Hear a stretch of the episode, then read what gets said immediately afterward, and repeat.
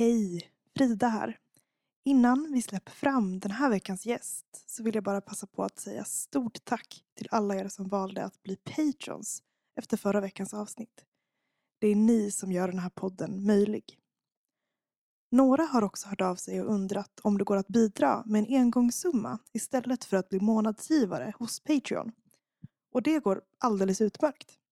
Vill du bidra så swisha i så fall valfri summa till nummer 123 296 77 01. 123 296 77 01 alltså. Och märk din betalning med Keramikpodden. Stort tack! Men nu börjar avsnittet med Eva Cetreus. Trevlig lyssning.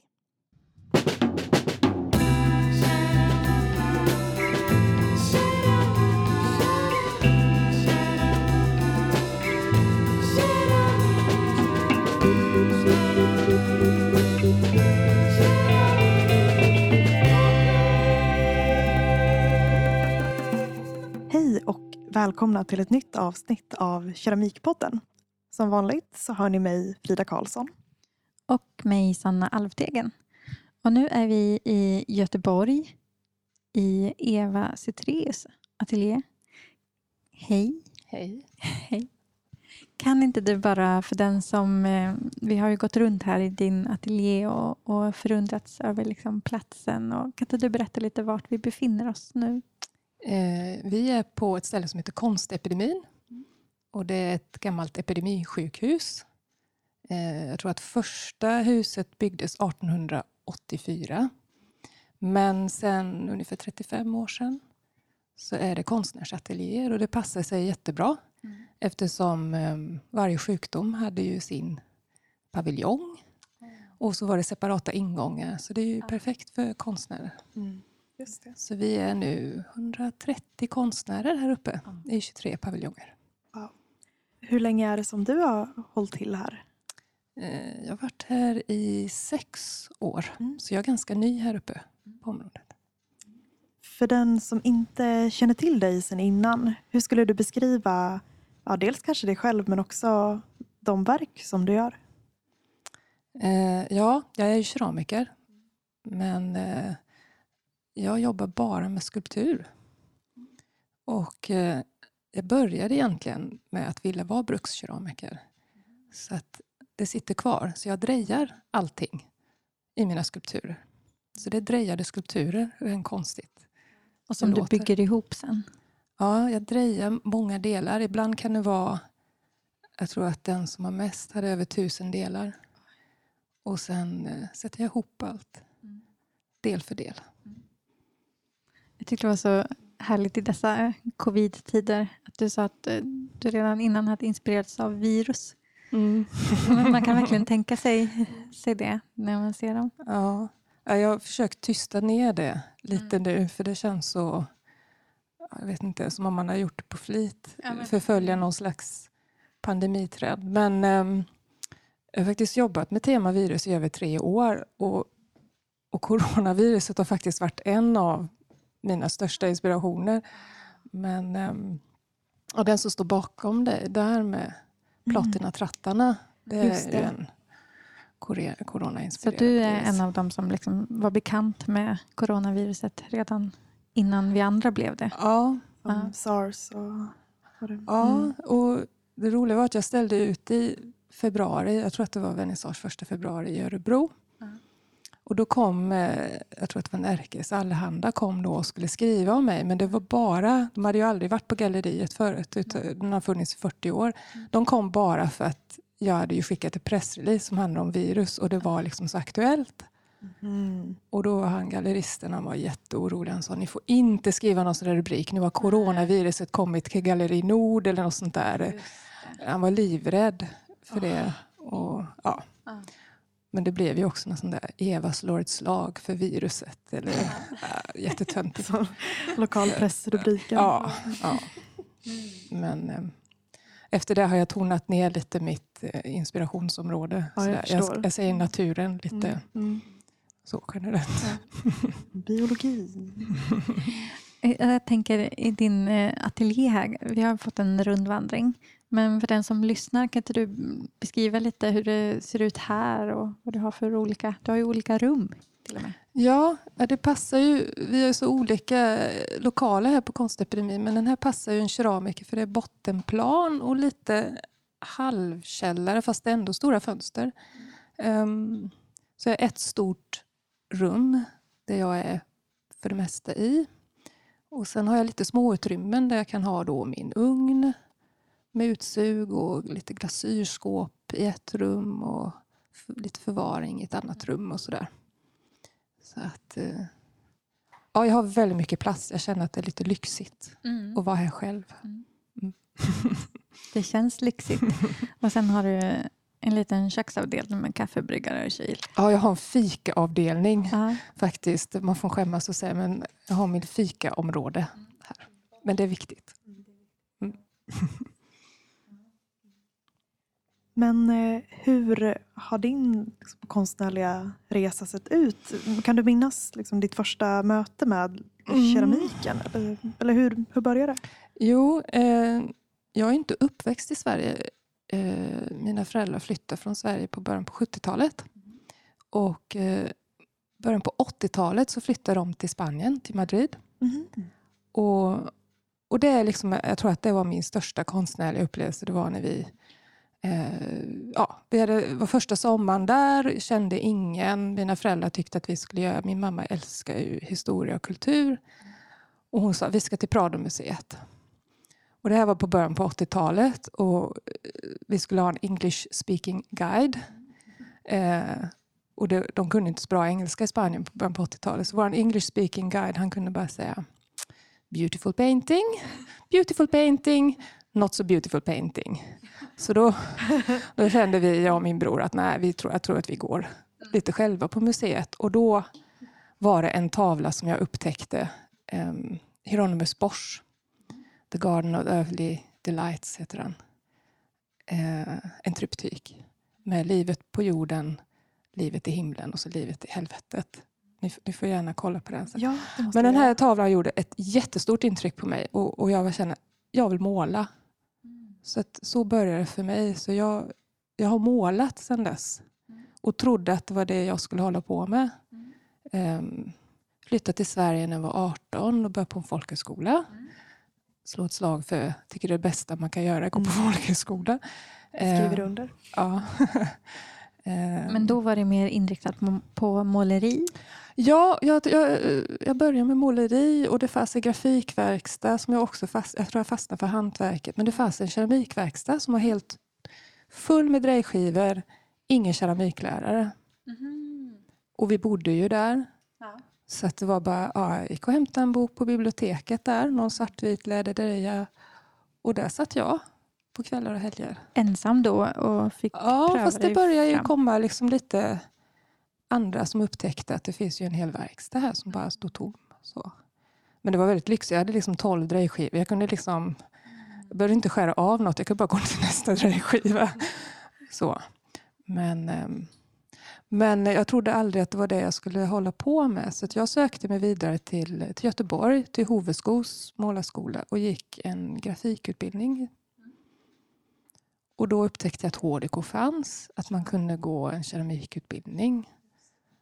Och alltså, tänkte jag måste, jag måste i alla fall försöka. Så jag sökte och jag kom in. Men då hade du inte äh, hållit på med keramik på någon skola så ut, utöver jag hade på gått den lite? Kväll, jag gick kvällskurser ah, okay. på ABF. Och, ah. alltså jag kände ingen i Göteborg så jag tänkte jag går en kvällskurs. Du hade ändå hållit i det? Liksom. Ja, men det var liksom inte, jag var inte duktig på något sätt. Eller jag var mer liksom entusiast än, mm. än att jag kunde. Men jag tror att just den årskursen de tog in då så ville de ha en bra blandning. Jag tror att de tänker väldigt mycket så att, så vi hade några i klassen som var sådana som hade gått liksom en keramik folkhögskoleutbildning. Mm. Och sen tror jag att jag kom in för att jag hade väldigt stark färg och form. Um, men det gjorde att jag kände att jag, ja, jag låg efter liksom när jag började. De andra att du kunde. inte behärskade tekniken? Nej, jag hade aldrig blandat en glasyr, jag hade aldrig satt en ugn och sådär. Så att, um, ja. Och vi var två i klassen som var lite så här, kände att vi, så vi låg ju på där och sög åt oss så mycket vi bara kunde. Jag menar, skolan var ju öppet dygnet runt. Um, så att, uh, Men det är egentligen inte så mycket teknik, eh, liksom utlärning på, på HDK, tänker jag. Eller det är en fråga egentligen.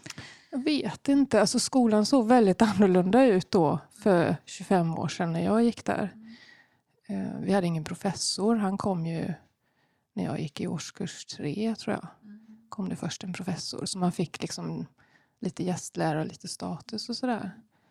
Men um, ja, det var väldigt mycket färg och form. Och sen fick man uh, jobba själv i keramiken. Så. Men uh, det fanns ett bibliotek. och allt material fanns. Så det var bara att... Alltså det är en fantastisk tid i livet. Liksom. Mm. Och du läste fem år på HDK? Det blev fem år. Mm. Det var så det såg ut då. Mm. Det var fyra år plus tio poäng examensarbete och sen blev det under tiden jag gick där så blev det fem år då. Ja. Så att, eh, jag har ingen bachelor utan då blev det en master på en gång. Mm. Och jag tillhör den här klassen som hade professor Torbjörn Kvasberg. Vi var hans liksom första ah. årskull. Och vi råkade vara tre årskurser samtidigt som gick ut för att folk hade varit borta eller fått barn och sådär. Så att istället för att vara fem som hade blivit tre blev vi tio. Så att halva keramikavdelningen var examensstudenterna. Så vi var hatade av alla för vi skulle ha allt. Alla ungstider. Och, men eh, jag tror att vi blev en ganska stark eh, grupp för att alla har ju egentligen fortsatt. Alltså jag gick ut med Eva Hild och Hanna Järlehed och Helena Andersson och Jennifer Forsberg. Alltså många som, som jobbar idag. Så att, eh, han gjorde intryck på oss. Fast det fattade vi inte då. Vi tyckte han var jättehård mot oss. Ja. mm. Du nämnde det nu minns jag faktiskt inte om du nämnde det innan vi satte på eh, inspelning här, men att, att du tänkte dig att du skulle göra mer liksom, eh, klassisk brukskeramik. Mm. Minns du liksom när det ändrade sig? Ja, alltså mitt examensarbete skulle jag utgå ifrån tekannan som form. För jag, jag gillade det här med sammansatta delar. Mm. Jag kände att man kunde man verkligen jobba med alla de här olika drejade delarna på så många olika sätt. Mm. Så, och, så det, det var mitt eh, ja, grundtema. Och sen hade, skulle vi ha något slags tema, liksom,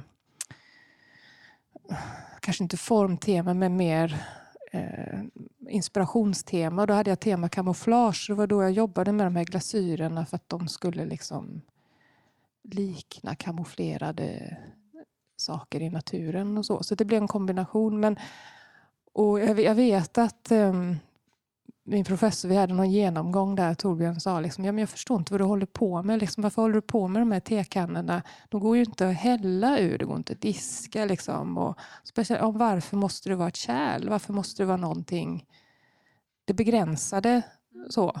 Att man skulle behöva diska eller att det skulle hälla rätt och sådär. Så att han sa till mig, släpp det där. Mm. Och, och, när han sa det så insåg jag att jag kunde jobba så mycket friare om jag tog bort det här med funktionen. Um, jag inser att jag aldrig var bra, någon bra brukskeramiker överhuvudtaget. så att, eh, ja, så att eh, jag tror att det var liksom under examensarbetet. Mm. Så jag gjorde en serie med 180 tekannor men, men de sista gick ju inte att göra någonting med. De hade ju till och med hål i botten. Mm. Så.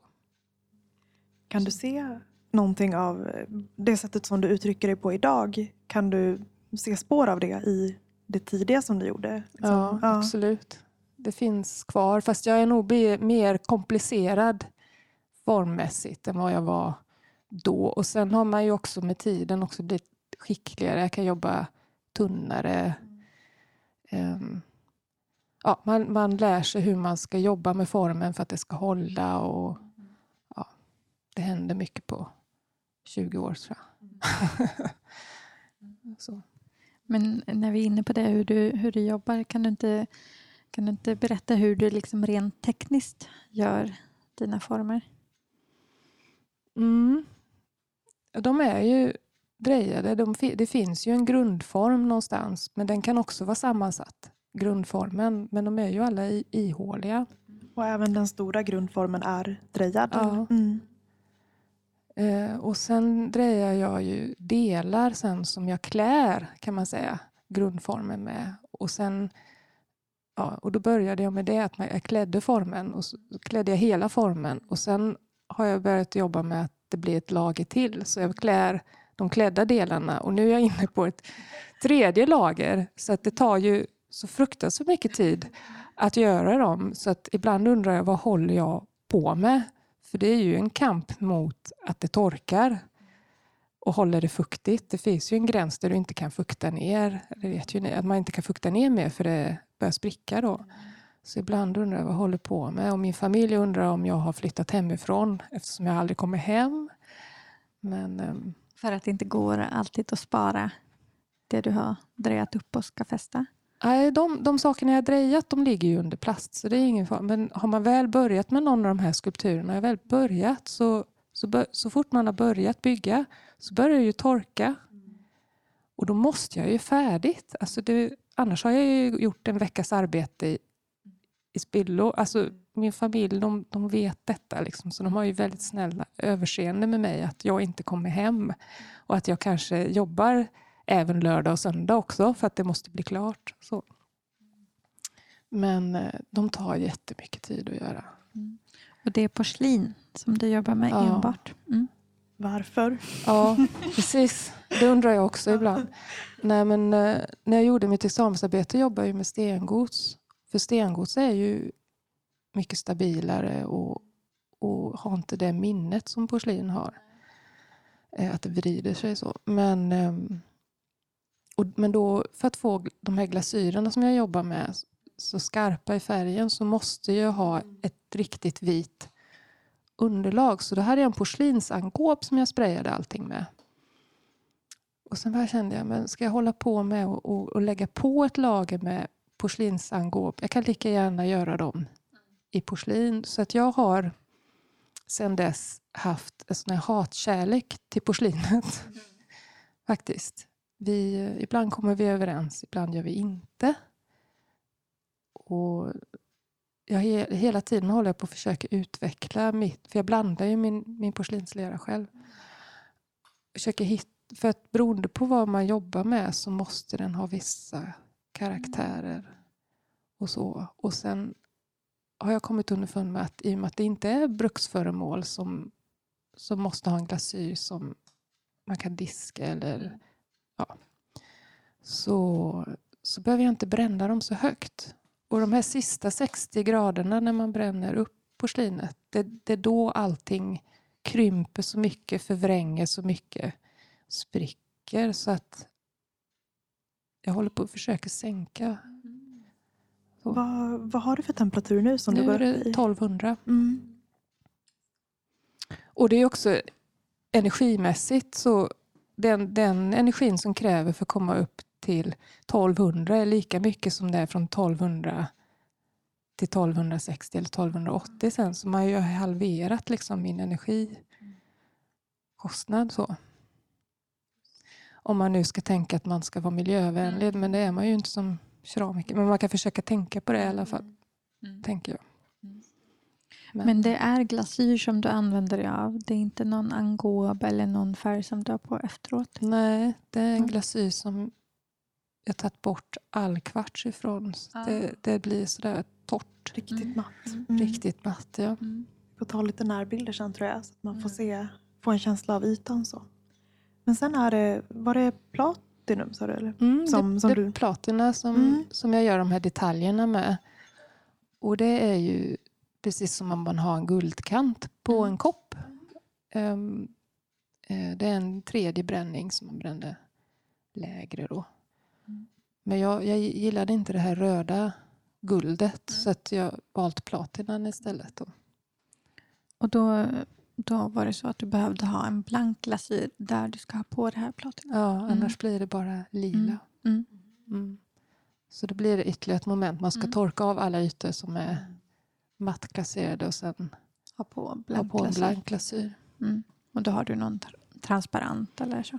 Jag har en, en sån här basic transparent. Jag tror att det är Marianne Hallbergs recept från början. Utan tenn. Och um, var det någonstans på vägen som, som den här platinan kom, kom med? Eller när, minns Ja. när den tillkom? Ja, men det är ungefär, nu är det säkert tio år sedan. Ehm, då höll jag på med mycket större såna här armar som kom ut. Och jag fick bara spelet någon eftermiddag och skar av liksom alla. Så att min skulptur blev alldeles kal.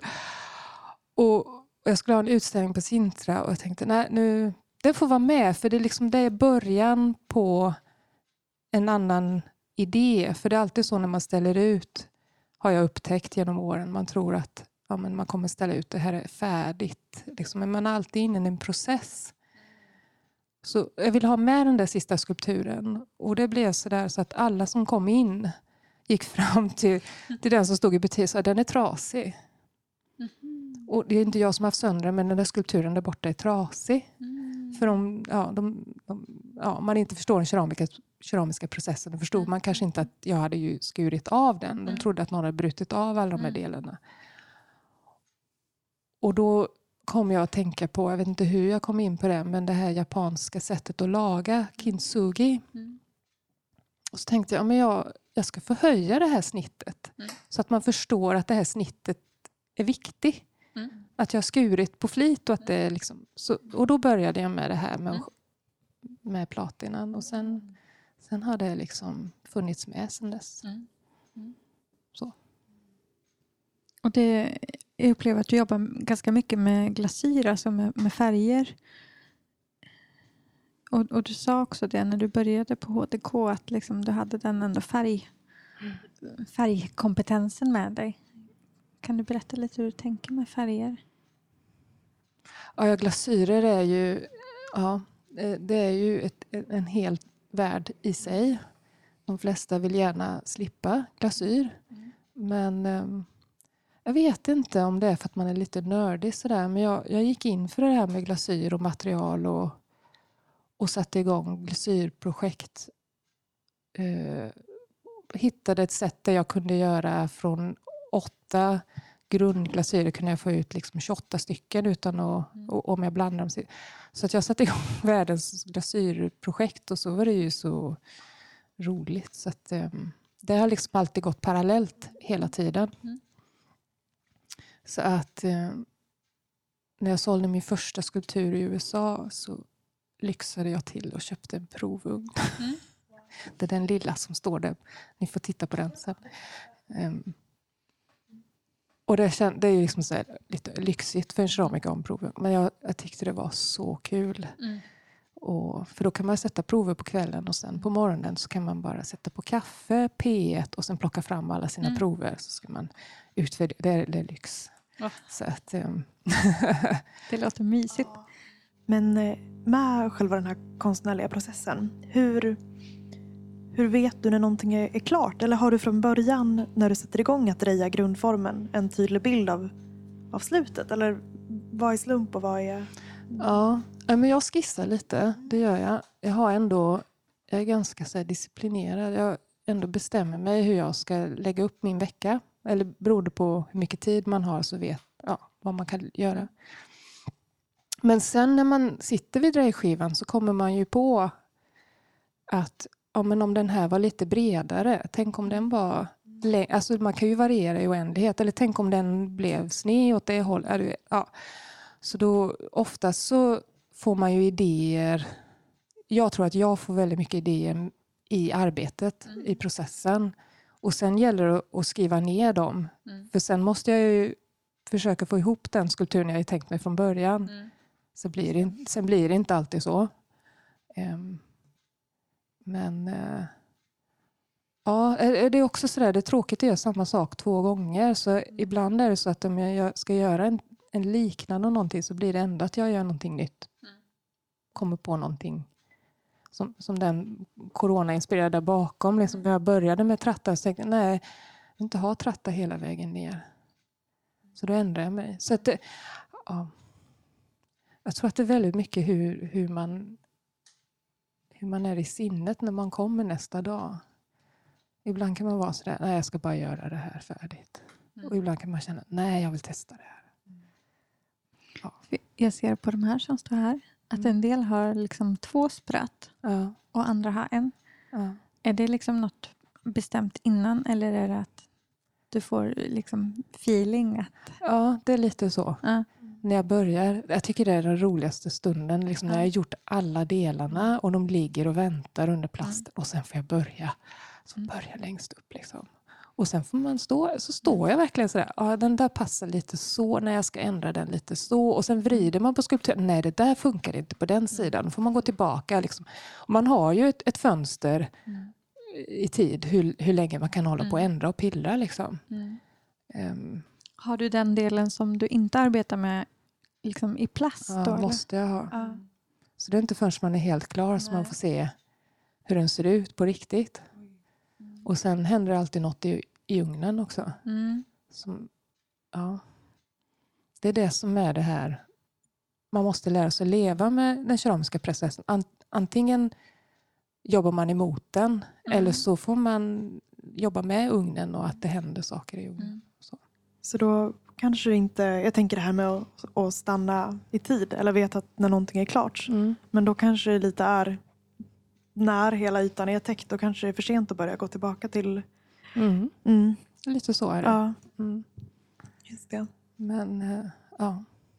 Jag avundas alltid mina kollegor här som, som jag oftast dricker kaffe med här, um, som målar. För de kan alltid gå tillbaka och rätta till, alltså flera år efteråt. Nej, men den där uh, vecket eh, stör mig och så kan de gå in och, och rätta på det. Men det kan man ju aldrig göra med keramik. Liksom. Där det är bränt är det bränt antingen är man nöjd eller så är det bye bye. Containern nästa. Mm. Kanske kan vara en stress också att veta att man alltid kan göra om det. Ja. Kanske, jag vet inte. Ja. Ja.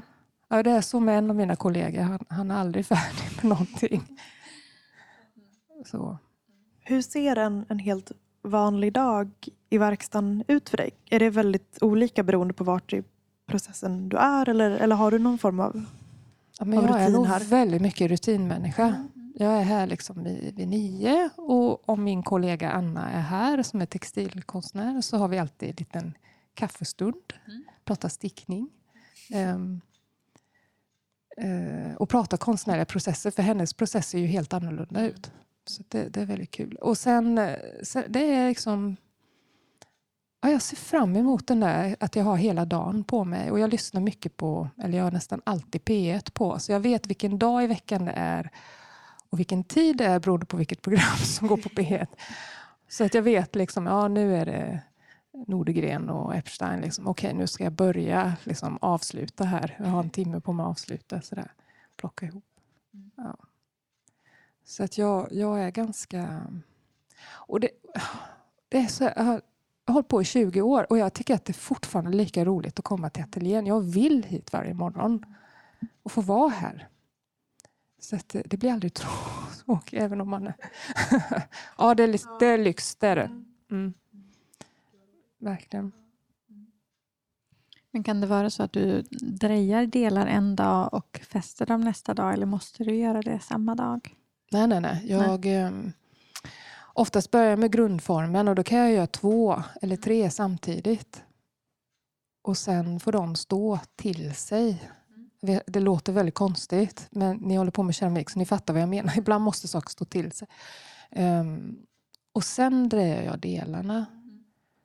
Och sen sitter jag, kan jag stå en eftermiddag och bara sortera delar i storlekar och lägga under plast. Jag är ganska noga med liksom, så det är oftast, nu är det ju väldigt tomt eftersom jag avslutat. Men annars är de hyllorna fulla med, med olika delar då, som ligger och väntar. Och ibland har jag inte bestämt mig vilka delar ska till vilken skulptur. Så där, så att, ja. Och sen eh, när jag väl sätter igång och sätter ihop dem, då måste jag veta att jag har de timmarna mm i verkstaden och jobba. Det är då det är liksom ett eh, kritiskt tidsspann? Ja, du börjar. Det, det är det här liksom mm. att det torkar mm. mm. som är jag tänker att det är det, när folk frågar mig vad, vad är det som är svårt med keramiken, jag börjar säga, ja, det är att veta när man ska göra saker. Det ska vara precis rätt fuktighet när man sätter ihop två delar. Om det är för fuktigt så kan det ju sjunka ihop, vilket har hänt. Att man har varit lite, liksom, hållit det för lite för fuktigt och så bara sjunker hela skulpturen. Jag tänker varför är den sned och så har den bara liksom helt sjunkit ihop på ena sidan. Mm. Eller så har det torkat för mycket och då fäster det inte. Mm. Och så ser man hur det börjar spricka och då vet man att det är kört. Med porslin är det ju kört. Mm. Det går liksom inte att laga en spricka. Så att jag, jag tycker det är det svåra att veta och, och förklara för någon exakt den här tiden som man har att sätta ihop. Mm. Det, det, förstår man inte om man inte håller på med materialet själv. Så. Hur ofta händer det dig nu för tiden, nu när du ändå har lite rutin, men mm. hur ofta blir det svinn som du måste kassera? allt för ofta. Ja. jag gömde faktiskt undan min låda innan ni kom. Här. Gjorde du? Lådan som ska till tippen. kan du dra ehm, fram sen. Ja. Nej, det... Ja, det är det här med, med var gränserna går ja. med tyngd och vad... Jag, jag, har några skulpturer som står dessutom på så här tunna spetsar. Ja. Och där är det ju liksom... Ja, ibland går det, ibland går det mm. inte. Mm. Och jag, jag vet inte. Ja. Det, och sen, men sen kan det ju också vara så att um, man är inte är nöjd med en glasyr. Mm. Så, den, den där blåa där borta, mm. den, den skulle ha blivit svart. Så den, jag blev så besviken när jag öppnade ugnen och såg den. Så den fick inte vara med på utställningen. Oh. den och står, i våra ögon. står i kanten där borta. Ja. ja. Kan det vara så? Jag tänker den, den eh, första besvikelsen.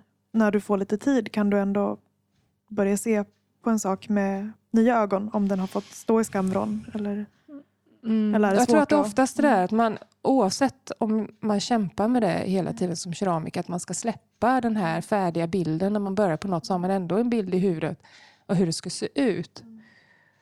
Och, och jag tror att det är oftast det man den här besvikelsen mm. att, att ja, man, glaserar, man glaserar för tunt. Mm. Eller det blev för tjockt. Eller det vred sig. Sådär. Men jag vet inte. Ja. Eh, ibland, ibland i ett sammanhang så kanske en skulptur som blev för ljus eller så kan bli fin i en utställningssammanhang. Men jag märker att oftast så är det ju den som inte blir såld. Så att förmodligen ser ju alla det här som jag ser också, mm. att den inte riktigt blev hundra. Det är konstigt men jag märker det. Att, att kunder okay. ser ju oftast ja.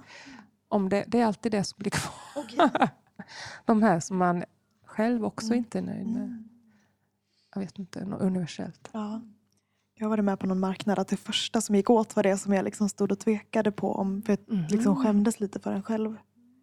Sådär. Att man nästan ville fråga, såhär, men är du, är du säker? Vill du verkligen? du måste inte. Men, ja. Ja, märkligt. Men går det att säga, kanske svårt att säga hur, hur mycket tid du aktivt lägger ner, men, men hur, från att du börjar på ett projekt, mm. efter, hur många veckor eller vad är det för tid som det handlar om ofta innan någonting är klart? Mm.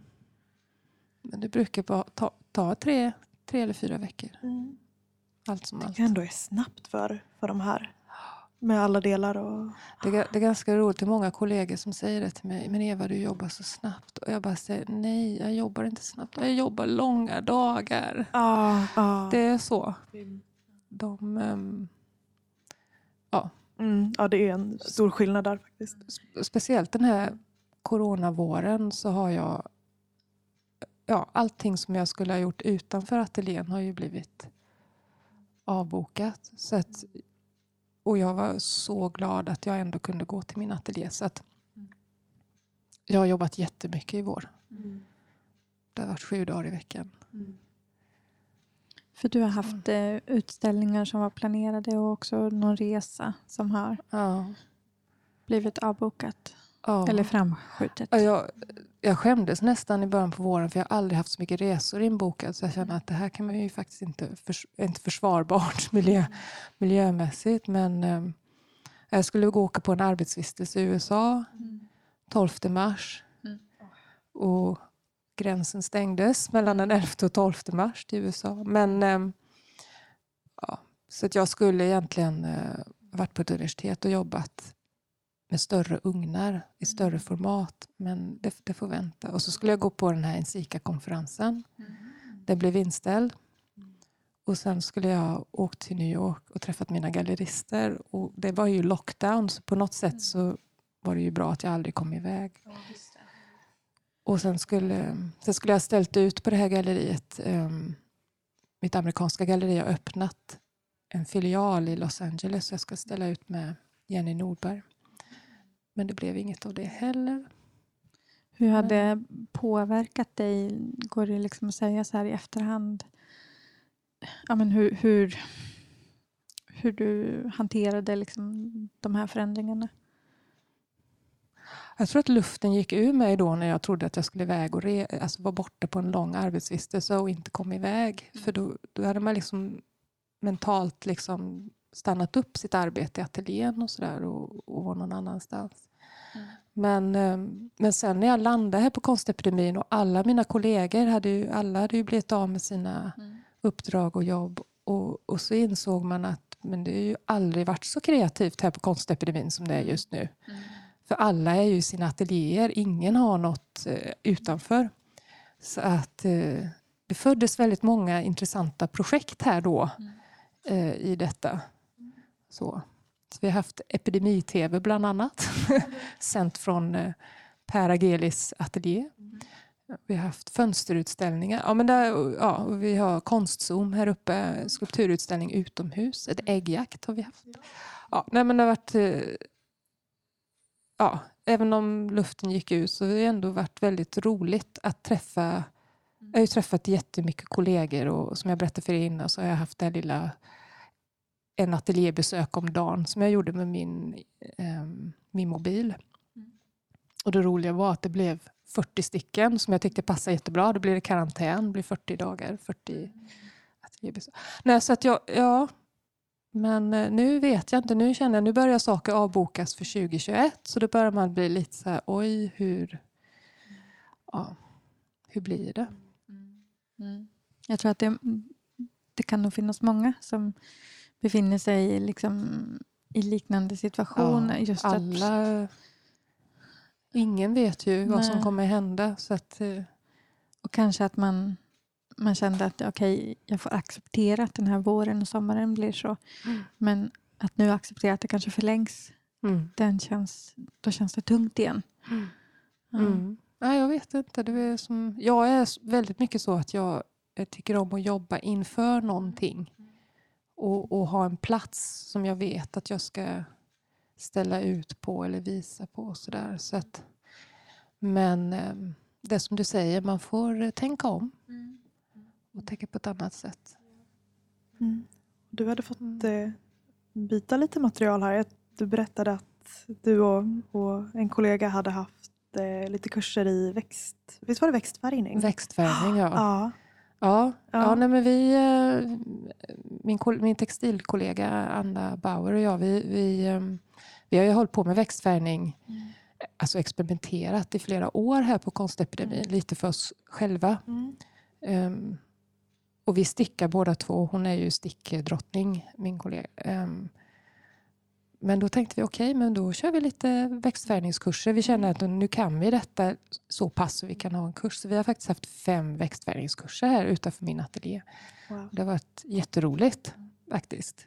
Och sen um, har vi insett att det finns ju inte bara växter, det finns ju svampar och det mm. finns lavar. Och, så att vi har nördat ner oss i Ehm, vi håller på, vi håller på letat efter en sammetsfotad pluggskivling här nu i två månader. Har ni hittat den? Ja, i måndags hittade vi den. Jag var så här, åh, jag har drömt om den där svampen. Ehm, mina, mina barn tycker att jag är helt galen som, som eh, styr mitt liv kring en svamp. Men um, i måndags hittade vi den faktiskt. Tolv stycken hittade vi. Så den, Mm.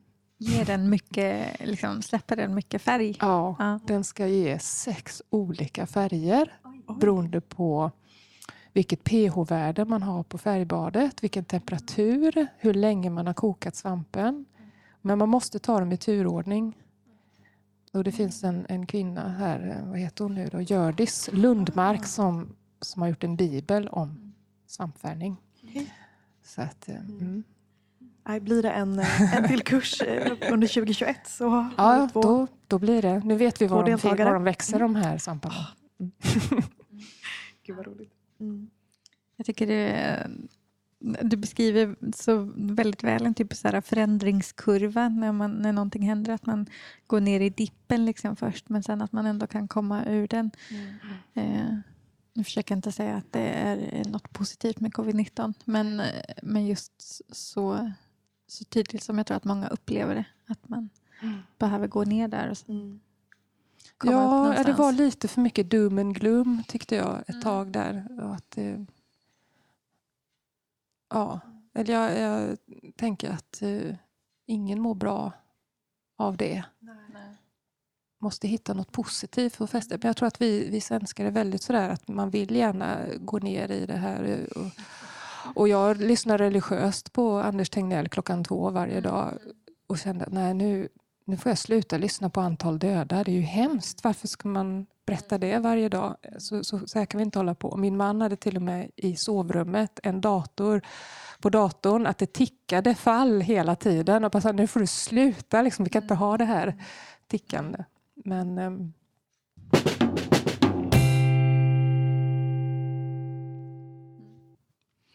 Men om vi återgår lite Ja. till dina... Förlåt, vi ska inte- Nej, nej, till inte dina- prata covid-19. Nej, precis. Om vi återgår till dina eh, former. Vi har ju pratat om hur, de, liksom, hur du tekniskt gör dem. Eh, och vi har varit inne lite på att du är inspirerad av, av liksom naturen. Men går det liksom säga hur, hur den här formen kommer till dig? Vad det är som, som gör att det är den här formen du Mm. behöver göra? Mm. Eh, dels så styrs det av drejningen, tror jag. Ehm, så det är ändå materialet styr ju väldigt mycket. Men eh, jag, det jag fastnar för i naturen och jag tror det jag inspireras av det är ju hur naturen är uppbyggd. Och ni har säkert hört talas om gyllene snittet. Och de här proportionerna som finns i naturen, där kan man ju nörda ner sig i oändlighet. Och jag, jag, jag är så... När jag upptäckte Fibonacci-serien så har jag blivit helt... eh, ja, jag, jag ser den överallt efter det. Det är jättekonstigt hur det kan bli så. Men de proportionerna finns ju i allting. Kan inte du berätta lite, vad är det Fibonacci? Fibonacci-serien är en serie med, med nummer. Och då är det så att det börjar med noll och sen kommer ett och sen kommer den ett till. För man plussar de första två Mm. numren. Så ett, ett. Så blir det ett och ett, det blir två. Ett och två blir tre. Sen blir det ehm, eh, två och tre blir fem. Fem och tre blir åtta. Och så fortsätter den här serien. Mm. Och då är det så att eh, våran kropp är ju uppbyggd efter den här proportionsserien. Eh, till exempel eh, en ananas Mm. har, följer det. Varje ananas har exakt lika många rader. Den har samma vridning, den har samma segment. Oavsett storlek så har varje ananas samma proportioner. Eh, en solros, alla fröna ligger i samma vinkel som är den här exakta vinkeln som gör att den får exakt lika mycket solljus som fröet bredvid. Eh, och det är exakt samma antal rader, exakt antal frön i samma rad. Alltså, när, man, när man börjar liksom gå in i detta så inser man att någonstans så finns det ju en ordning som är i kaoset som är ja, både läskigt och intressant. Mm. Ja. Så att jag tror att eh, mycket av de här vinklarna och, och det är sånt där som jag vet hur många delar jag har på varje skulptur men det kanske jag inte behöver berätta för någon. Men lite sån nördighet kommer in i mina grejer också. Bara att man själv vet det. Liksom. Ja, Mm. jag är väldigt mycket, jag tror att Um, jag gick natur på gymnasiet så jag gillar, jag gillar ju väldigt mycket sådana, älskar matte, älskar sådana här matteproblem, Schrödingers katt, mm. kvantumfysik. Alltså sådana här tankeexperiment. Ja, mm. tycker jag jättemycket om. Så att jag tror att det är mycket av inspirationen. Så det är sådana dubbelheter i naturen, som ni pratar om koraller som är egentligen djur, men de lever som växter. Alltså det, ja, det är sådana saker jag fastnar för. Och det är ju samma med viruset, fastnar jag för, för att det är ju ett levande väsen. Den har ju sitt eget DNA, den ehm, förökar sig. Men enligt definitionen för liv så är det inte ett levande var en levande varelse för att den kan inte ge sig själv näring. Så den är ju liksom både levande och inte levande. Så det är sånt där som jag går igång på. Så, att, eh, så, så kom jag in på viruset då. Och, då. och den klonar ju sig själv. Så det är mycket av de här formerna är ju samma form fast de har blivit mindre eller större eller öppnat sig eller stängt sig. Så, så att, ja, lager på lager. Ja, väldigt roligt att få veta lite bakgrund när man tittar på dem. Ja, jag tycker att det öppnar upp ännu mer. Liksom. Mm. Mm. Verkligen. Mm. Men eh, en, ett, ett vanligt år utan corona, mm. är det så att du kan, kan leva på det du skapar så är det olika definitioner på leva på. Kanske. Fattig men flexibel mm. brukar jag säga. Um, men jag, jag har varit uh, kursledare i keramik i 19 år mm. på Folkuniversitetet här i Göteborg. Och så hade jag teknikertjänst där också. Så att, uh, jag har jobbat halvtid ända fram till mm. 2017. Då sa jag upp mig. Och då hade, då hade jag fått ett utsmyckningsuppdrag och så fick jag två arbetsstipendier och då kände jag om jag någonsin ska satsa så får det vara nu. Nu måste jag mm. våga och säga upp mig. Så sen 2017 då, så har jag levt på min keramik. Mm. Så. Men eh, å andra sidan så äger jag ingenting. ja, mm. ni förstår. Mm. Det beror, beror, på vad man definierar. Ja. Mm. mm. Men, eh, det, men, det, det var, men det eh, var väldigt mycket tack vare mitt amerikanska galleri Hostler Burroughs, två kvinnor som, som driver det, som har varit otroligt eh, viktiga mm. och stöttat mig i, i mitt konstnärskap. De säger till mig hela tiden bara Eva, du ska bara jobba i ateljén. Tänk inte på det andra. Och man tänker ju, Åh, vad är det de säger? Är det sant? Liksom. Mm. Ska jag bara jobba i min ateljé? För det är det du helst vill. Du vill ja. jobba i din ateljé. Mm. Jag vill ju det. Mm. Jag tyckte det var väldigt roligt att undervisa, det ska inte säga annat. Jag hade eh, en fantastisk grupp kvinnor som jag hade varje onsdagkväll i 12 år. Och vi har liksom följt varandra i livet då. Det hände, mycket hände mycket på 12 år. Um, och efter ett tag så började jag känna jag har inget mer att ge, de kan allting redan. Men då började de fråga om ja, men hur är det när man vedbränner och skulle inte vi kunna saltbränna eller kan vi inte gå på HDKs examensutställning så att vi börjar göra mycket sådana saker som jag inser efteråt helt galet att jag tog med mig ett gäng kvinnor ut till Näs och vedbrände i 28 timmar wow. um, i spöregnet. Men, uh, men de var helt fantastiska faktiskt. De, um, de gav sig inte, fast vi stod med knäna i lera. Så. Och sen har vi eh, gjort workshops. Vi åkte till Danmark till en kollega till mig och, och vedbrände och så. Så att vi, vi, de har varit jätte, betytt jättemycket för mig. Mm. Så, och sen alla nybörjarkurser i drejning älskade jag. Mm. När man fick in, man hade en helg och det kom in ett, 12 personer som hade aldrig tagit i lera. Mm. Och när de gick därifrån på söndagen så hade de fått uppleva att få dreja och känna leran i händerna. Det, det tyckte jag var jättehäftigt att se. Mm. Så, så att jag kan sakna det, men mm. jag vill helst vara i ateljén. Ja. Mm. svar, lång, lång, mm. Långt svar. Mm. Jag tänker på det när du pratar om eh, galleri i USA och även, jag kan tänka mig även liksom i, i, i mer geografisk närhet också. Hur du, eh, det är alltid det här hur ska man frakta keramik. Mm. Och jag tänker hur du fraktar din keramik. Mm. Vill du berätta lite hur, du, hur paketerar man en sån här skulptur? Ja, försiktigt. eh, nej men jag har, ehm, jag har det, ja, bubbelplast, wellpapp och sen har jag kartonger som är måttanpassade. Mm. Och frigolit. Och, ja, de, är, de är mer tåliga än vad man tror faktiskt. Det gäller bara att man lyfter på rätt sätt. Mm. har du Men, då, eh, alltså vanlig kartong eller har du liksom lådor? Ja, alltså nu som till exempel när, när jag ställde ut i Strömstad, då packade jag i, i, i papperskartonger som jag hade beställt i rätt storlek och så. Men sen sattes de på en lastpall med pallkragar och så. så.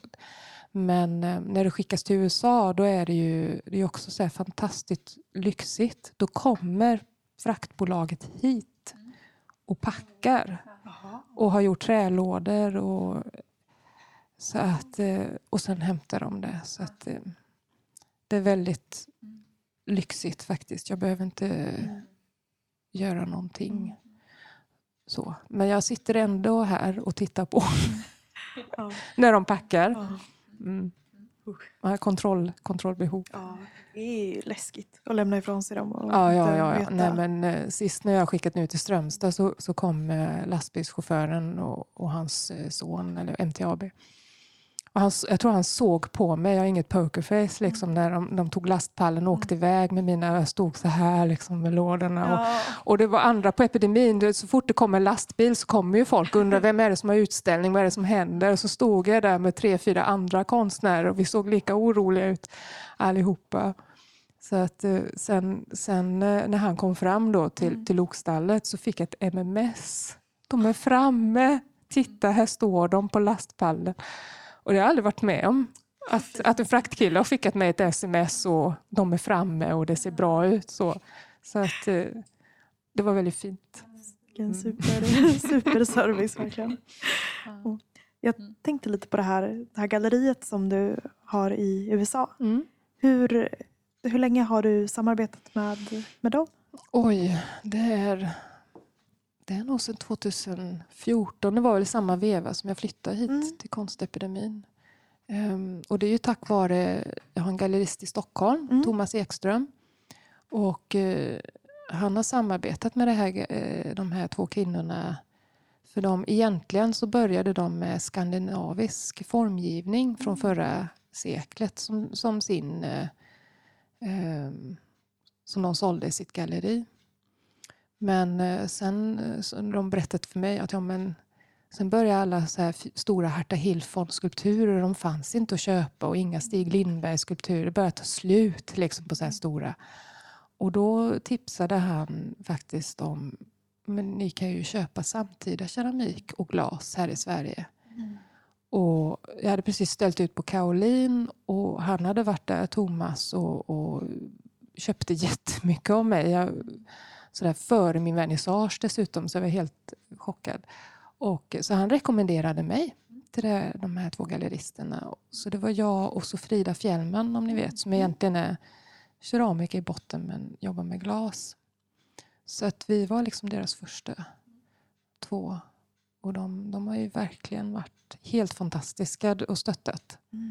Och eh, varit i ateljén flera gånger faktiskt. Men, Eh, och hälsa på och se hur det går. Och, och vi facetimar och, och så. Nej, så det, det är väldigt, väldigt fint att kunna ha en sån relation. Alltså, för i Sverige har vi ju inte såna gallerier som jobbar på det sättet. Jag är så van vid att man ska packa själv, man ska köra sina grejer själv, man ska packa upp, man ska bygga sin utställning. Och, så det, det känns jättekonstigt när någon bara kommer och packar och sen åker det iväg. Liksom. Ja. fascinerande. För den som vill eh, se eller kanske köpa något verk av dig, vart, vart kan man då hitta dig? Jag finns på Konsthantverkarna i Stockholm. Och hos Thomas Ekström, då, han heter Stockholm Modern. Eh, ja, det är de två jag har i Sverige just nu. Mm. Och eh, Nej, jag tänkte bara fylla i att du har en, en, eh, en väldigt fin hemsida. Mm. Ja, där, tack. Ja, ja men där, där finns det också foton som man kan kika på. Mm. Absolut. Mm. Och jag, som ni sa innan, jag är jätteaktiv på Instagram. Mm. Ehm, så jag brukar lägga ut en bild om dagen ja, om man vill se hur det ser ut här och. Ja, vad jag är håller på med. Jättefin Ja, faktiskt. Mm. Precis. Om man inte redan följer så. Stort tips. Ja, och kan vi inte ställa den frågan också? För vi, vi tittade på din eh, Instagram och såg att du har ja, över 25 000 följare. Och vi, jag tror vi kom fram till att det är den vi har träffat som har flest följare. Ja, tror det. Faktiskt. tror det. Mm. Eh, är, det är det något strategiskt som, som du har gjort för att få följare? Eller liksom? Nej, alltså det är en blandning av... Alltså dels när jag flyttade till Konstepidemin. Ehm, för jag delade ateljé väldigt länge, i 16 år, med Hanna Järlhed, en kollega. Eh, men sen flyttade jag hit då och så var jag själv.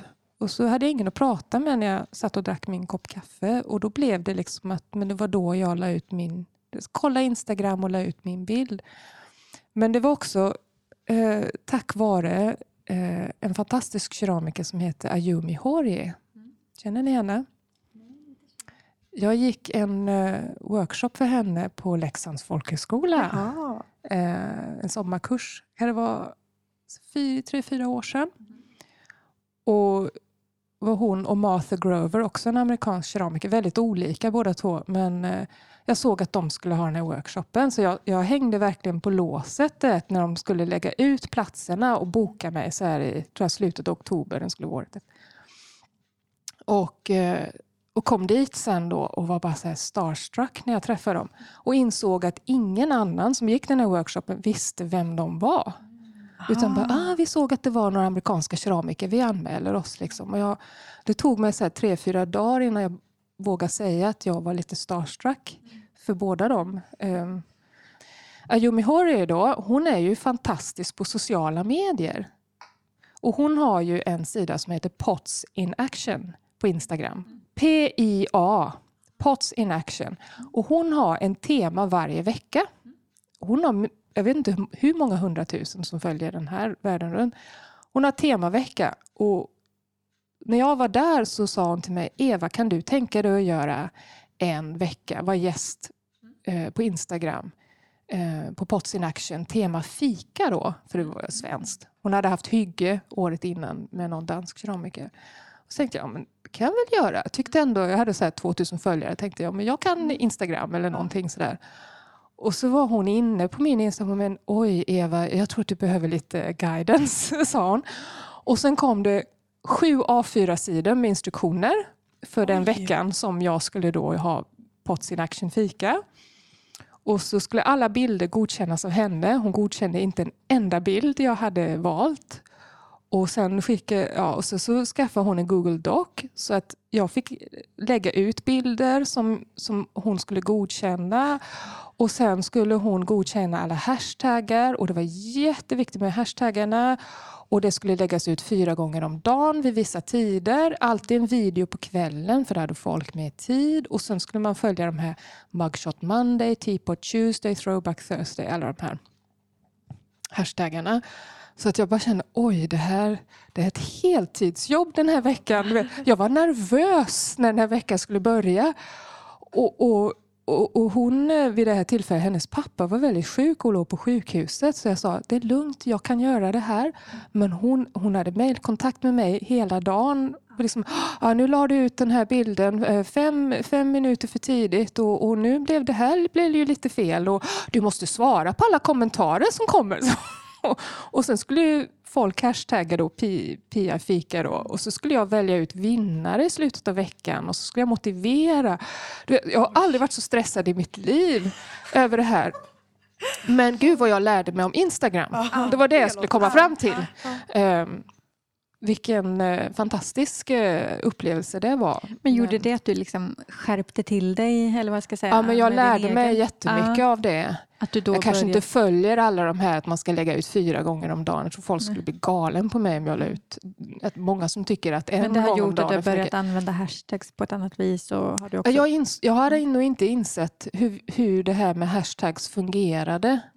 Eh, och i keramikvärlden, i alla fall i USA, är de här hashtagsen som Throwback Thursday och Teapot Tuesday, de är jättestora begrepp. liksom. Så, så att... Eh, ja, det var, ja, det var fascinerande att träffa henne.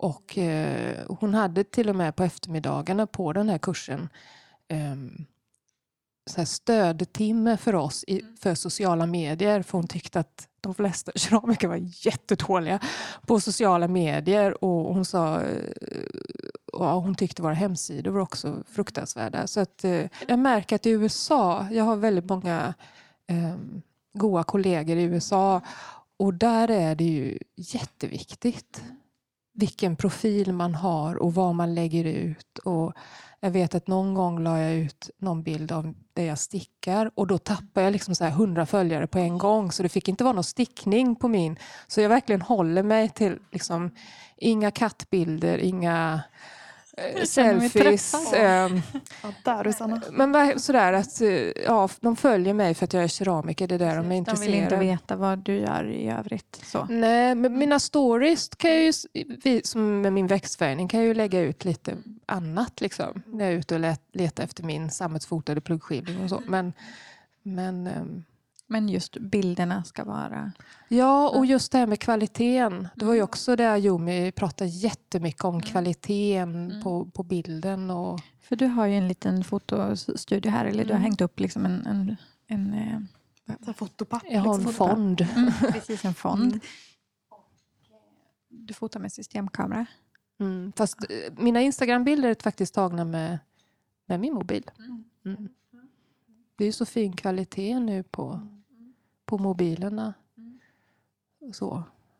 Och sen, eh, ja, man bör lära sig lite hur man kan filma, man kan redigera lite. Ja. Man får testa sig fram. Mm. Ja. Så. Men det är lite kul. Mm. Eftersom jag är själv i min ateljé så kan jag ju hålla på Mm. och mixtra och ta Mm. bilder. Mm. Och det är bra dokumentation för en själv också. Mm. Mm. Se när man gör. Och... Vad eh, gör du just nu här i verkstaden? Nu har du kanske inget sådär konkret att jobba mot men, men är det något särskilt projekt som du ändå har igång? Eh, nej, alltså just nu så, så dels har den här utställningen kommit tillbaka och sen har ehm, eh, jag precis plockat bort i stort sett hela det här växtfärgningslabbet som vi har haft här. Men eh, jag tänker att nästa vecka ska jag sätta igång. Så att innan ni kom så har jag lagt upp lera som jag ska Mm. börja kvarna. Så förbereda. Och, men jag tänker mig att nu har jag jobbat med ganska stora former som har tagit väldigt lång tid här i vår och att jag kanske ska gå ner i format och kanske leka lite mer Mm. och unna mig att kanske vara, ja, testa. Mm. Testa på ett annat sätt. För Mm. att jag har liksom ingenting som måste bli klart. Mm. Så tänker jag att jag ska göra. Det, Mm. jag skulle ju jag skulle ju på den här arbetsvistelsen som jag skulle ha åkt på skulle ju varit en sån tid Mm. där jag fick testa lite olika... Ja, jag skulle Mm. jobba stort, men, Mm. ehm, men testa material Mm. och, och Precis, du kan ge dig den uppgiften här istället. ja, Mm. jag tänker att jag, jag vill komma igång Mm. med leran igen. Det blev en väldigt, väldigt intensiv glasyrperiod här i sommar. Mm. För jag jobbade på under våren eftersom jag gick in i det här konstiga vakuumet. Men jag var väldigt produktiv. Mm. Om man nu inte ser det som ett negativt ord. Men jag gjorde väldigt många skulpturer som sen gjorde. Men, eh, och sen tänkte jag vid midsommar, nu ska jag ta led. Det ska bli så skönt att vara lite Mm. ledig. Och sen insåg jag, oj jag ska ju bränna allt det här. Och den, Jaha, varje skulptur tar tre dygn och sen ska den brännas tre gånger. Och sen började jag räkna och så insåg jag att ja, utställningen är i början på augusti. Det blir ingen semester alls. Jag måste bränna allt det här. Så att eh, jag fick ju sätta igång och bränna och glasera. Så, så att jag åkte fram och tillbaka mellan Dalarna och där jag var, har ett litet ställe på sommaren. Mm. Där jag också har en liten verkstad faktiskt. Men jag, jag höll mig från det. Men, eh, så det blev väldigt, intensiv, väldigt konstigt intensivt glasyr. Jag brukar inte glasera sådär tre, fyra veckor i sträck. Men det blev så. Ehm, så att jag, jag ser fram emot att kanske jobba med leran istället. Mm. Och inte behöva en deadline. Mm. Så, Låter bra. ja. Mm. Mm. Lite så. Nu ska ni få äta era chokladbollar. Mm. Ta en liten paus. Ja. Okej, då går vi vidare till några korta, snabba frågor. Mm. Eh, finns det något verktyg som du inte kan vara utan? Ja. Mm. jag lyssnade på Kalle Forsberg-avsnittet så jag har förberett mig. Ska, ska, jag, häm, ska jag hämta den? Ja, absolut.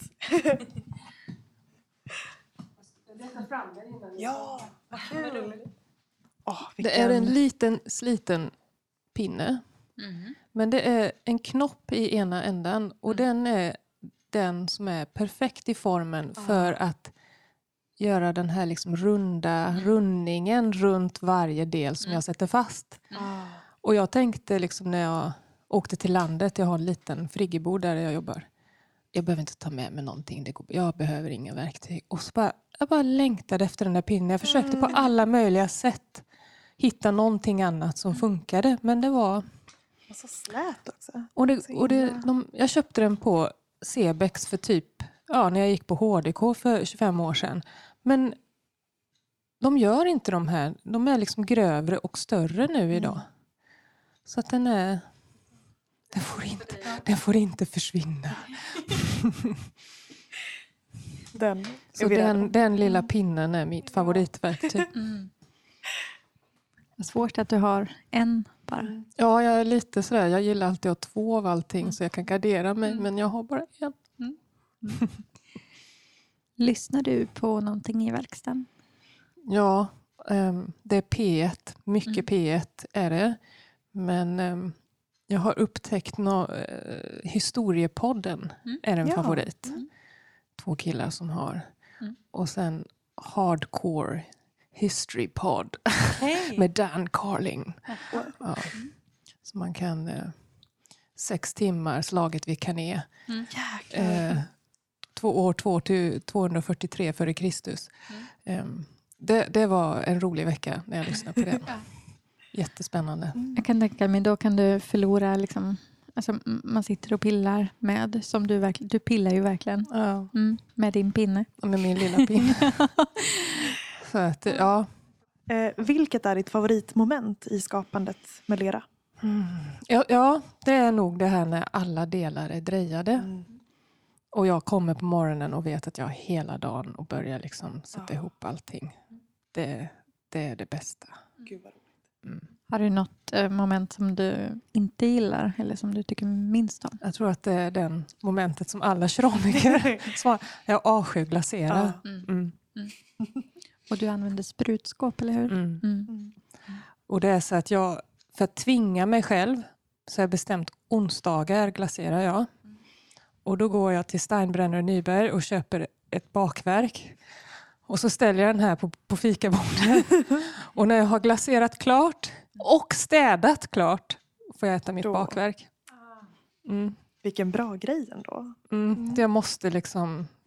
För annars eh, så gör jag det inte. Mm. Om jag kan komma på en annan anledning till att jag inte behöver glasera. Som det jag gjorde i vår nu när jag fick glasera hela sommaren istället. Ja, just det.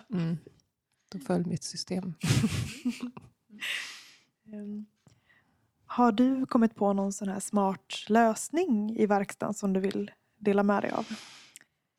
Oj! Ja, den är lite svår sådär. Mm. Jag tror inte jag har sådär smarta lösningar som inte någon annan har kommit på innan. Ja, men det, Det behöver Ja, inte nej. vara ditt uh, fynd. Jag tror att för, för mig är det att, att jag står och jobbar. mm, är det bästa. mm, Eh, det är jättebra för kroppen att stå Mm. och jobba. Och sen försöker jag allting på hjul. Så att jag, Ja, kan, så jag kan moppa under. Mm. Ehm, det var något Anders Fredholm sa till... Han, jag tror han sk- började skriva på någon sån här, eh, när jag gick på skolan, om miljö i verkstaden. Mm. Och då var det det här just lerdammet och moppa. Mm. Så jag avslutar varje dag med att moppa. Varje dag. Jag moppade innan ni kom. Mm. Men det, det är någon sån här avslutningsritual. Liksom. Mm. Så att ja, om, om man ska göra, ha en verkstad... Han- Jag tror att eh, Anders Fredholm sa att man ska ha en golvbrunn. Jag tror att det Mm. var hans. Mm. Men moppa. Ja. Mm. Gör du det alltid oavsett hur trött du är och hur sent det är? Ja, för det är Ja. lite meditativt det där. Ja. Det är liksom som att avsluta Mm. dagen. Mm. Så får jag moppa. Och, och när jag har gjort det så kan jag liksom släcka och gå. Ja. Det är en sån rutin Mm. som är rätt skön. Är det någonting inom um, fältet keramik som du skulle vilja lära dig mer om? Eh, Ja, det finns alltid massor och så lite tid. Jag har hållit på med vedbränning i jättemånga år med kollegor i USA. Men eh, jag kommer aldrig dit. Med, alltså jag tycker om hela processen men jag kan inte få mina skulpturer att fungera i en vedeldad miljö. Så jag tror om jag skulle kunna få till det. Det Jag- kommer jag kanske. tänker att, det, att de, i och med att de har så mycket spännande skuggningar och former, att de, att de borde bli intressanta. Men du har inte hittat något? Nej, funkar vad för som dig. händer är liksom att det blir för mycket Ja. eh, drama Mm. i vedugnen på en sida. Mm. Och sen inte... Ja, jag tror att formerna är för komplicerade Ja. för... Eller så går lågan helt och hållet förbi. Mm. Så att det blir liksom helt kalt och tråkigt istället. Okej. Ja. Jag tänker att du också, som du höll på att laborera med, med temperatur, Mm. Mm, att det kan vara svårt att ha, liksom, Ja, exakt. Ja, vi, jag hade en kollega som hjälpte mig en gång och vi byggde en sån här sagger i ugnen. Vilket egentligen är helt galet för det är ju atmosfären man vill ha med allting som pågår i ugnen. Men vi byggde liksom runt en box i stenar för att skulle skydda mina så jag ändå kunde ha glasyr men ändå att det skulle hända. Nej, Det hjälpte inte. Nej Nej. jag tror att man får nog eh, jobba länge och mer med det. Men det är du lite nyfiken på? Ja, jag skulle Mm. gär- gärna. Jag tycker det. Min man säger att vedbrännare är en sekt.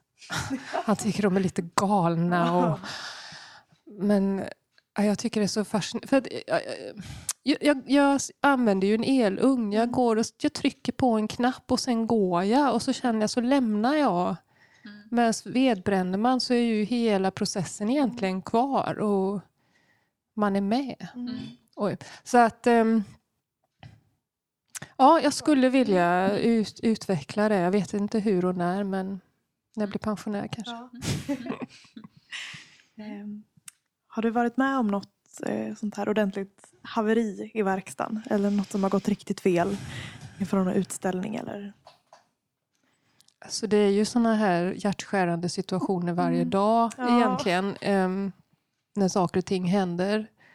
Eh, man har haft ett antal explosioner i ugnen när man har glömt att göra något litet hål någonstans. Eller så har man inte... Det har inte varit torrt tillräckligt. Mm. Hashtag ceramic casualties. Det Ni följer, följer ni det? Mm. Ja. I- Ibland får man titta på den och känna okej, det hade kunnat vara värre. Ja. Mm. Men ingen sån där melt, meltdown som man ser ibland. Eller, nej, så. Mm. De vanliga keramiska tragedierna. Ja. Eh, Vem eller vad får inte komma in i din verkstad? Ja, jag har en fyrbent eh, päls eh, här Mm. som jag inte vill ha här. Som hänger här liksom på området? Ja, eller den är här i min ateljé på nätterna. Jaha. Och jag tänkte om den är bara här på nätterna så kan det vara okej. Vi kan dela på Vad är, ateljén vad är det här för fyrbent varelse? Är med en lång svans. en råtta? Mm. Mm. Eh, och nu med Västlänken så kommer det bara fler och fler för Mm. de spränger här. Men, eh, Och jag har så svårt att ha ihjäl någonting. Men Mm. med min kollega Anna sa, men Eva de bor ju i kloakerna. Du kan inte ha den springande så här. Och, och, och sen när hon sa att den kan tugga sönder sladden till min ugn så var det liksom, Ja. den får inte vara här. Nej. Så jag har täppt igen med svinto så gott jag kan. Mm. Alltså det är ju gamla hus. Ja. Har du märkt att den tar den sig innan då? Ehm, ja, ja. jag fick någon bur som är säkert eh, från när de byggde det här stället. Med någon ja, ganska stor fyrkantig bur och så skulle den, den liksom, råttan gå in och sen skulle den ner på någon... Ja. Och så la jag någon sån här jättefin brownie, så här jättedyr historia där. Halv, och varje morgon kom jag, då hade den bajsat kring buren för att visa mig att den hade varit där och ändå inte gått in, att den fattade. Men ehm, den... eh, Passivt aggressivt liksom. Ja, men den, då fick jag en modernare fälla så att Mm. den, den finns inte längre. Okej, jag Ehm, tyvärr. Men jag hoppas inte kommer fler. Mm. Mm. Känns som vi båda jag tittar lite menande på dig Sanna. Vi har båda haft våra beskärda delar av möss och Ja, Möss är okej Mm. känner jag. Vi kan dela ateljé. Men när det blir de här, mm, ja, råttor är lite värre. Fast när mössen tuggar sönder ens ullkoftor så är Ja. det inte heller kul. Nej. gör de det? Ja, det har hänt de dig. gjort. Mm. Usch, nej. Det Det drog gränsen. fram en tröja och det bara så här, t- t- t- ramlade musbajs ner på golvet och sen var tröjan bara hålig. Ja. Mm. Ja, Mina byggde bo i min soffa, gjorde de. Nej. Mm. Hade lagt eh, hade en påse med så här fina biscotti ståendes på bordet och så vaknade vi på morgonen och så var det en vält. Tänkte bara att det var vår ljudtekniker som hade varit uppe och ätit på natten. Men, men den var liksom nästan slut den här påsen. Till slut så hittade jag boet i soffan med Men liksom hur, 15 hur biscotti. hittar du i soffan? Min, eh, min kära mamma hade sovit, det var en bäddsoffa. Hon hade sovit på... Hon hörde, Hon hörde det lät som att de nästan var i soffan. Nej. Nej mamma, de kan inte ha varit i soffan. Och så, och så här, hmm, vänta. Drog ut och så. Ja, Det var 15 Oj, biscottis och så var det en chili och något ja blomblad. ett blomblad. De hade nästan dekorerat det. Det var lite rörande nästan. Ja. En parentes. En Jag parentes. förstår att du inte vill ha in dem. Nej, Mm. om du inte höll på med lera, vad eh, skulle du hålla på med då tror du? Vad skulle du jobba med? Jag skulle nog sticka dygnet runt. Ja. Ja. Tänker Jag tror att det är lite samma sak som det här repetitiva och att man ser någonting växa fram. Mm. Jag tror att det hör ihop lite det här att jag stickar. Mm. Ni stickade också hörde Ja. jag. Mm. Ja. Mm. Det är, det är någonting, man kan inte tänka på något annat utan man tömmer hjärnan. Så Mm. det är väldigt skönt att sticka. Eh, vad gör du om, eh, om du saknar inspiration eller ja, idéer när du kommer till verkstaden? Ja, det, det har hittills inte hänt Mm. faktiskt. Ja, man tror ju att man borde ha tömt Mm. sina, Mm. men ehm, jag tycker att det finns alltid... Sen kan man ha dagar där man känner när man har ingen lust och så, men då Mm. brukar jag bara sätta mig vid drejskivan så kommer Mm. eh, idéer och så. Mm. Men eh, sen är det ju såklart det är jätteviktigt med resor, jag gillar att resa Mm. Och alla utställningar som man kan gå på. Mm. Så det, så det är ju jätteviktigt och det, det är klart att det påverkar fast man inte tänker på det. Mm. Men ehm, jag vet inte, jag, jag är sådär att eh, även om man har en dålig dag så går jag ändå till ateljén. Man kan ju bara sitta här och fundera Mm. så händer det saker. Mm. Ja. Mm. ja. Och så till sist. Vem tycker du att vi ska prata med i Keramikpodden? Oj, jag har jättemånga Ja. som jag tycker ni skulle Vi kan ta prata emot med. hela listan. Ja. Ja, jag måste ju vurma för min fantastiska kollega som jag gick alla mina år på HDK med och delade verkstad med, Hanna Järlehed. Ja. Ehm, och jag har precis ställt ut med henne i lokstallet och hon, eh, jag tycker hon har eh, kommit in i en jättespännande period. Ehm, det har hänt någonting. Ehm, så jag tycker, ja, tycker ni ska prata med henne såklart. Och sen har jag också en annan fantastisk kollega som heter Annika Svensson som bygger kakelugnar. Mm. Som, ehm, eh, jag beundrar verkligen hennes... Eh, om, om ni tycker jag är petig så får ni prata med Annika. Alltså. För där är det ju... Riktig precision. Ja. Mm. Och den tålamoden hon har är helt otrolig. Hon har, hon har frågat mig om jag kan hjälpa henne någon gång. Jag säger jag vågar inte hjälpa dig för jag tror inte jag är tillräckligt noggrann för dig. Men ehm, mm, hon håller på med... Eh, jag tror hon håller på att göra fyra kakelugnar i år. Så det går ju fantastiskt bra för henne. Och sen en annan person, om man får säga en till. Ja. Så Marianne Hallberg har varit en jättestor eh, inspiration för mig. Mm.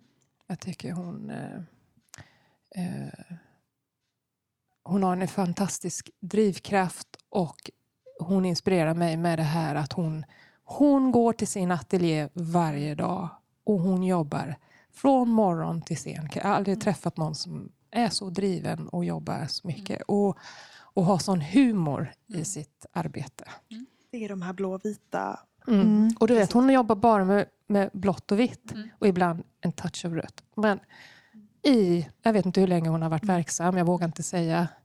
Ehm, men, eh, och ändå så kan hon hela tiden utveckla det. Mm. Ja. äh, hon, hon, eh, hon lägger mig varmt om hjärtat också. Vad roligt. Vad bra tips. Ja, Mm. tusen Tack, tack. Och jättestort tack för att vi fick komma hit Det idag. är jätteroligt att Ja. ni vill komma. Och jag måste säga att jag tycker ni gör ett fantastiskt jobb med Keramikpodden. Jättebra initiativ och jag tycker det är jätteroligt att ni gör detta. Men tack själva för att ni Ja, kom. tack. Jättekul att du ville vara med. tack. Mm.